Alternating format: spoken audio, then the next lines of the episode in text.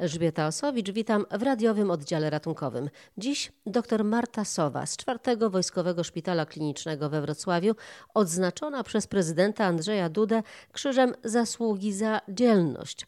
W marcu, kiedy koronawirus zbierał śmiertelne żniwo we Włoszech, zdecydowała, że wraz z grupą 14 innych polskich medyków, innymi z Wojskowego Instytutu Medycznego, pojedzie do Lombardii, prosto w centrum pandemii. Pierwszym wyzwaniem było przekonanie rodziny. Znowu, gdzie ty się pchasz i raczej tego typu pełne obaw pytania. Natomiast no tak po, po takim uspokojeniu pierwszych emocji, no to e, raczej sobie wyjaśniliśmy sprawy. Mam na myśli to, że e, jakby taka moja głęboka potrzeba serca trochę, żeby się spakować i jechać, trzeba pomóc, więc trzeba pomóc. To raczej była taka prosta myśl. Jakoś doszliśmy do porozumienia, tak? Ja się spakowałam, to moi bliscy, powiedzmy, z duszą na ramieniu trzymali kciuki, no i jakoś poszło. Co pani zobaczyła na miejscu? Pierwsze wrażenie to było rzeczywiście takie mocno niepokojące, ponieważ jak dojechaliśmy do właściwego miasta, w którym mieliśmy pracować, czyli do Bresci, w Lombardii, to co uderzyło tak mocno na, na wstępie, to było rzeczywiście pustka. To znaczy miasto wyglądało tak, jakby się tam czas zatrzymał, jak po jakiejś katastrofie. Jakby czuć było w powietrzu, że coś tam niedobrego się dzieje. No a potem w szpitalu, no to już są kolejne historie. To powiedziałabym, że 80% szpitala było dedykowanego pacjentom e, zakażonym i to były w zasadzie same miejsca respiratorowe. To wszystko to były łóżka intensywnej terapii, ponieważ pozostali pacjenci, którzy byli w stanie lżejszym, po prostu byli odsyłani do domu. Jak to było wejść na oddział, gdzie są ciężko zakażeni, chorzy, ubrać się w ten kombinezon? Jak pani się czuła w tej sytuacji? Pani nie jest zakaźnikiem, pani też nie miała takich wcześniej doświadczeń, tak? Tak, byliśmy przygotowani, jeżeli chodzi o, o sprzęt i wszelkie materiały, czy środki ochrony indywidualnej. Czyli kosmita. Dokładnie, tak. Dla bezpieczeństwa wyszliśmy z takiego założenia, traktując wirusa jak e, ebolę, jeżeli chodzi o stopień zakaźności, śmiertelności. Tak mówię, to było trochę na, może na wyrost, natomiast rzeczywiście udało się na tyle te procedury wypracować, że wszyscy wróciliśmy zdrowi z Lombardii. No ale tak, to też y, prawda jest taka, że ćwiczenie czyni mistrza, tak? Czyli najpierw ćwiczenie na sucho, no a potem już życie weryfikowało, bo to wielokrotne, wielokrotne zmiany i trzymanie wszelkich e, procedur przy przebieraniu, rozbieraniu, zmianie powiedzmy tych kosmicznych kombinezonów, to już dały wprawę. Czego Panią nauczył ten pobyt? Każdy taki wyjazd to jest ogromna nauka pokory. Tutaj w kontekście koronawirusa to też było rzeczywiście dość y, trudne patrzeć, jak ludzie umierają sami. Zazwyczaj w szpitalach u pacjentów terminalnie chorych, w zależności od warunków, natomiast za wszelką cenę staramy się dopuścić rodzinę do pacjenta, żeby to te ostatnie momenty, ostatnie dni były spędzone z bliskimi, żeby mieć szansę się pożegnać. Natomiast tam we Włoszech absolutnie takiej możliwości nie było. Jedyny kontakt, jaki mógł być być zapewniony to kontakt telefoniczny czy wideo, jeżeli pacjent był na tyle świadomy, że, że mógł uczestniczyć w jakim, jakimkolwiek kontakcie z rodziną. Rzeczywiście to było takie dość mocno przejmujące, bo nawet nie można było na tamten moment organizować pogrzebów jako takiej uroczystości pożegnania. Także ogromna lekcja pokory. Dziś wiadomo o koronawirusie więcej. Polsce nie było tego scenariusza włoskiego, którego wszyscy się tak bardzo obawiali. Był moment, kiedy wasz szpital wojskowy także właściwie prawie w całości stał się szpitalem covidowym. To znaczy cały czas jest y, wydzielona część szpitala, która jest dedykowana tylko pacjentom covidowym. Wydaje się tak wstępnie, nieśmiało, mogłam powiedzieć, że się stabilizuje sytuacja. Natomiast no, każdy dzień jeszcze jest taką zagadką, jak będzie, co będzie. Wciąż jest to ogrom pracy, ogrom pacjentów. Jaka jest atmosfera w szpitalu? Czy wszyscy pani koledzy, czy pani y, zaszczepią się w pierwszym możliwym terminie? Za wszystkich kolegów nie potrafię odpowiedzieć, natomiast rzeczywiście są przygotowywane listy, na które personel wpisuje się jako osoby zgłaszające się do szczepienia i z tego, co mogę powiedzieć o swoich najbliższych współpracownikach, to wszyscy jesteśmy wpisani na liście, no i czekamy cierpliwie, aż szczepienie będzie możliwe do wykonania. Już wiemy, że przechorowanie w cudzysłowie nie zapewni takiej bańki ochronnej, którą można by zabezpieczyć społeczeństwo. Także na ten moment tylko szczepienie. A Pani udało się do tej pory nie zachorować? Tak, żyję w takim przekonaniu, że tak, chyba, że coś bezobjawowo przeszłam, absolutnie nie mając o tym pojęcia. Natomiast w ostatnim czasie miałam bardzo dużo ze względu na wyjazdy misyjne, wiele testów wykonywanych po drodze, e, wymazów, więc e, wszystkie dotychczas ujemne, więc tak, żyję w przekonaniu, że, że jeszcze nie chorowałam. No właśnie, wyjazdy misyjne, bo pani jest w grupie, tak zwanej grupie szybkiego reagowania. Gdzie pani w tym czasie była? Po misji w Lombardii było jeszcze kilka wyjazdów. Wyjazd do Tadżykistanu, do Libanu dwukrotnie i do Etiopii. To były takie miejsca, które też w kontekście pandemii e, COVID-19 A jak to wyglądało w tych krajach? Oficjalne statystyki rządowe Tadżykistanu nie do końca odpowiadały sytuacji na miejscu, ponieważ to, co okazało się, to rzeczywiście ogromna ilość zachorowań z bardzo wysoką śmiertelnością, niedobory i kadrowe, i niedobory sprzętowe, często brak dostępu do, do leków, do, do takich terapii, które dla nas są codziennością. W związku z tym to też potęgowało efekt niszczycielski samego wirusa.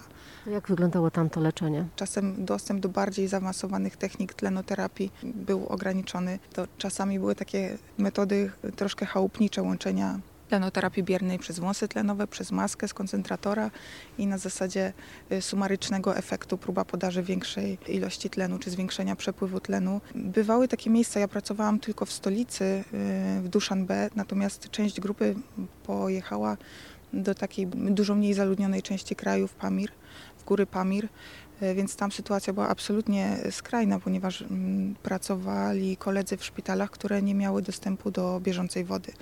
Więc y, to absolutnie no, nie ma szans mówić o jakimś y, poważnym leczeniu, kiedy szpital nie ma takiego podstawowego zasobu jak woda bieżąca. Przyjechaliśmy ze swoim sprzętem, jeżeli chodzi o środki ochrony indywidualnej. Na sam koniec y, wyjazdu rzeczywiście udało się we współpracy z WHO wygospodarować środki pieniężne, za które można było zakupić materiały jednorazowego użytku, ponieważ to też był problem, że część sprzętu, która u nas jest jednorazowa, tam musiała być wielokrotnie używana, sterylizowana ze względu zwyczajnie na, na, na ogromne braki. Więc na koniec ze środków, tak jak mówię, które zostały, udało się wygospodarować tyle, żeby móc y, zakupić materiały typu maski tlenowe z rezerwuarem, czy maski Venturiego, które nie są jakimś skrajnie zaawansowanym prawda, sprzętem, natomiast już dużo, y, dużo dają, rzeczywiście dużo więcej można uzyskać niż, niż takimi prostszymi technikami. Liban to też koronawirus? Znaczy początkowo zainicjowany był wybuchem w Bejrucie, który tam miał miejsce w okolicach, zdaje się to była połowa sierpnia. Zorientowali się koledzy, że faktycznie jest ogromny problem. Wtedy to było ramię wznoszące, jeżeli chodzi o ilość zakażeń w, w Libanie, o ilość zakażeń koronawirusem i dość szybko we współpracy z WHO udało się zorganizować kolejne grupy, które mogły tam się zjawić na miejscu. I jak tam wyglądała sytuacja? W Libanie problem dotyczył troszkę innego aspektu, bym powiedziała, niż chociażby w Tadżykistanie, ponieważ tam ogromnym problemem są niedobory personelu. Pracowaliśmy w dwóch szpitalach na północy kraju, Tripoli i Halba. To były oba szpitale rządowe, szpitale publiczne. Ku mojemu wielkiemu zdziwieniu okazało się, że to nie jest taka oczywista sprawa, że dyżur chociażby na oddziale intensywnej terapii jest zabezpieczony przez lekarza obecnego na miejscu 24 godziny na dobę ze względu na tak duże braki personelu w kraju, jeden specjalista z intensywnej terapii odpowiedzialny był za kilka oddziałów, za kilka szpitali w mieście. W związku z tym jego praca wyglądała na takim, powiedzmy, jednym wielkim obchodzie, to znaczy zlecał badania, oglądał pacjentów, zmieniał ewentualnie zlecenia w jednym szpitalu, po czym pakował się i jechał do kolejnego. To samo dotyczyło personelu pielęgniarskiego, który również był w niewystarczającej ilości. Etiopia. W Etiopii pracowaliśmy w stolicy. Zawsze stolica jest wizytówką, więc nie do końca można po stolicy osądzać całą resztę kraju, bo malutkie miasteczka czy wsie, wiadomo, że trochę rządzą się innymi prawami. E, jeżeli chodzi o Addis Ababa, pracowaliśmy w takim stworzonym na potrzebę chwili miejscu. To była hala koncertowa. Czyli nasz narodowy. Można to tak powiedzieć, oczywiście w mniejszej takiej etiopskiej troszkę skali, ale tak, to była taka duża publiczna przestrzeń, która została zamieniona czy przygotowana do tego, żeby móc y, hospitalizować pacjentów. Wydzielone tam w środku były rzeczywiście trzy strefy dla pacjentów najciężej chorych, dla pacjentów krytycznych, czy odpowiednik intensywnej terapii, dla pacjentów w średnim stanie, którzy wymagali wsparcia tlenowego i dla pacjentów lżej chorych. Sumarycznie cały obiekt miał zdolność przyjęcia około tysiąca pacjentów. My właściwie niewiele wiemy o tym, co się dzieje w Etiopii, jak tam przebiega pandemia. Myślimy o tym, że aha, tam jest ciepło, więc tam nie ma wielkiego problemu. Kiedy tam pracowaliśmy, to był koniec września mm, do końca października prawie, to rzeczywiście skala problemu była ogromna. Masy pacjentów, które codziennie były przyjmowane do, do szpitala. Niestety dość wysoką y, śmiertelnością, zwłaszcza pacjenci krytyczni. Ta, ta śmiertelność na tamten moment wynosiła blisko 100%. Mam na myśli pacjentów, którzy byli zaintubowani i, i wymagali opieki. Brak leków, brak sprzętu? A, chyba wszystkiego po trochę. Rzeczywiście był ogromny problem z dostępem do leków, y, do części, które dla nas są absolutnym standardem. Mam na myśli część leków przeciwbólowych czy leków używanych do, do sedacji chorych, więc to już y, w pierwszej kolejności mocno ograniczało pole manewru czy, czy zakres ruchów. I faktycznie też y, momentami i braki sprzętowe, i tu znowu wracamy do braków, y, jeżeli chodzi o sprzęt jednorazowego użytku. Więc to, co dla nas jest tutaj często gęsto oczywistością, y, tam wymagało trochę większej inwencji i mm, takiego uelastycznienia się na, na wszelkie braki. Teraz do końca roku, przynajmniej tu w szpitalu wojskowym? Tak, na ten moment, Tak. Chyba, że zadzwoni telefon? Na, na ten moment to już chyba jest y, o, os- ostatnia prosta do końca roku, to już nawet nie śmiem prosić o kolejny urlop bezpłatny.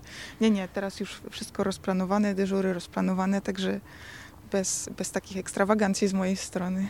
Ale właśnie jak to wygląda? To jest tak, że jest telefon i pada jakieś miejsce na świecie, pani się pakuje i jedzie? Właśnie, urlop bezpłatny musi pani wziąć wtedy, tak? To znaczy w tym roku rzeczywiście to był taki dzielony, ponieważ urlop bezpłatny tak umożliwił wyjazd do, do Etiopii.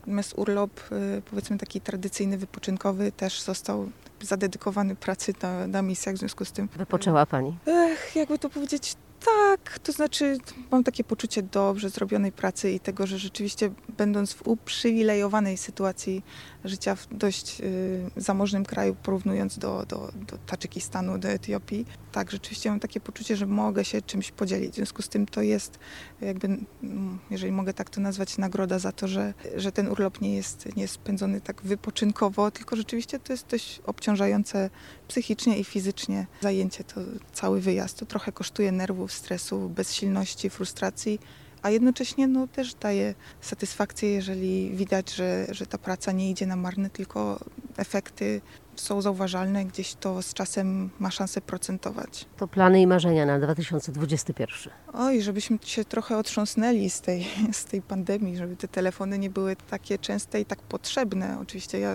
w każdej chwili jestem pierwsza, żeby się spakować i jechać. Dr Marta Sowa we Wrocławskim Szpitalu Wojskowym pracuje na oddziale onkologicznym oraz internistycznym.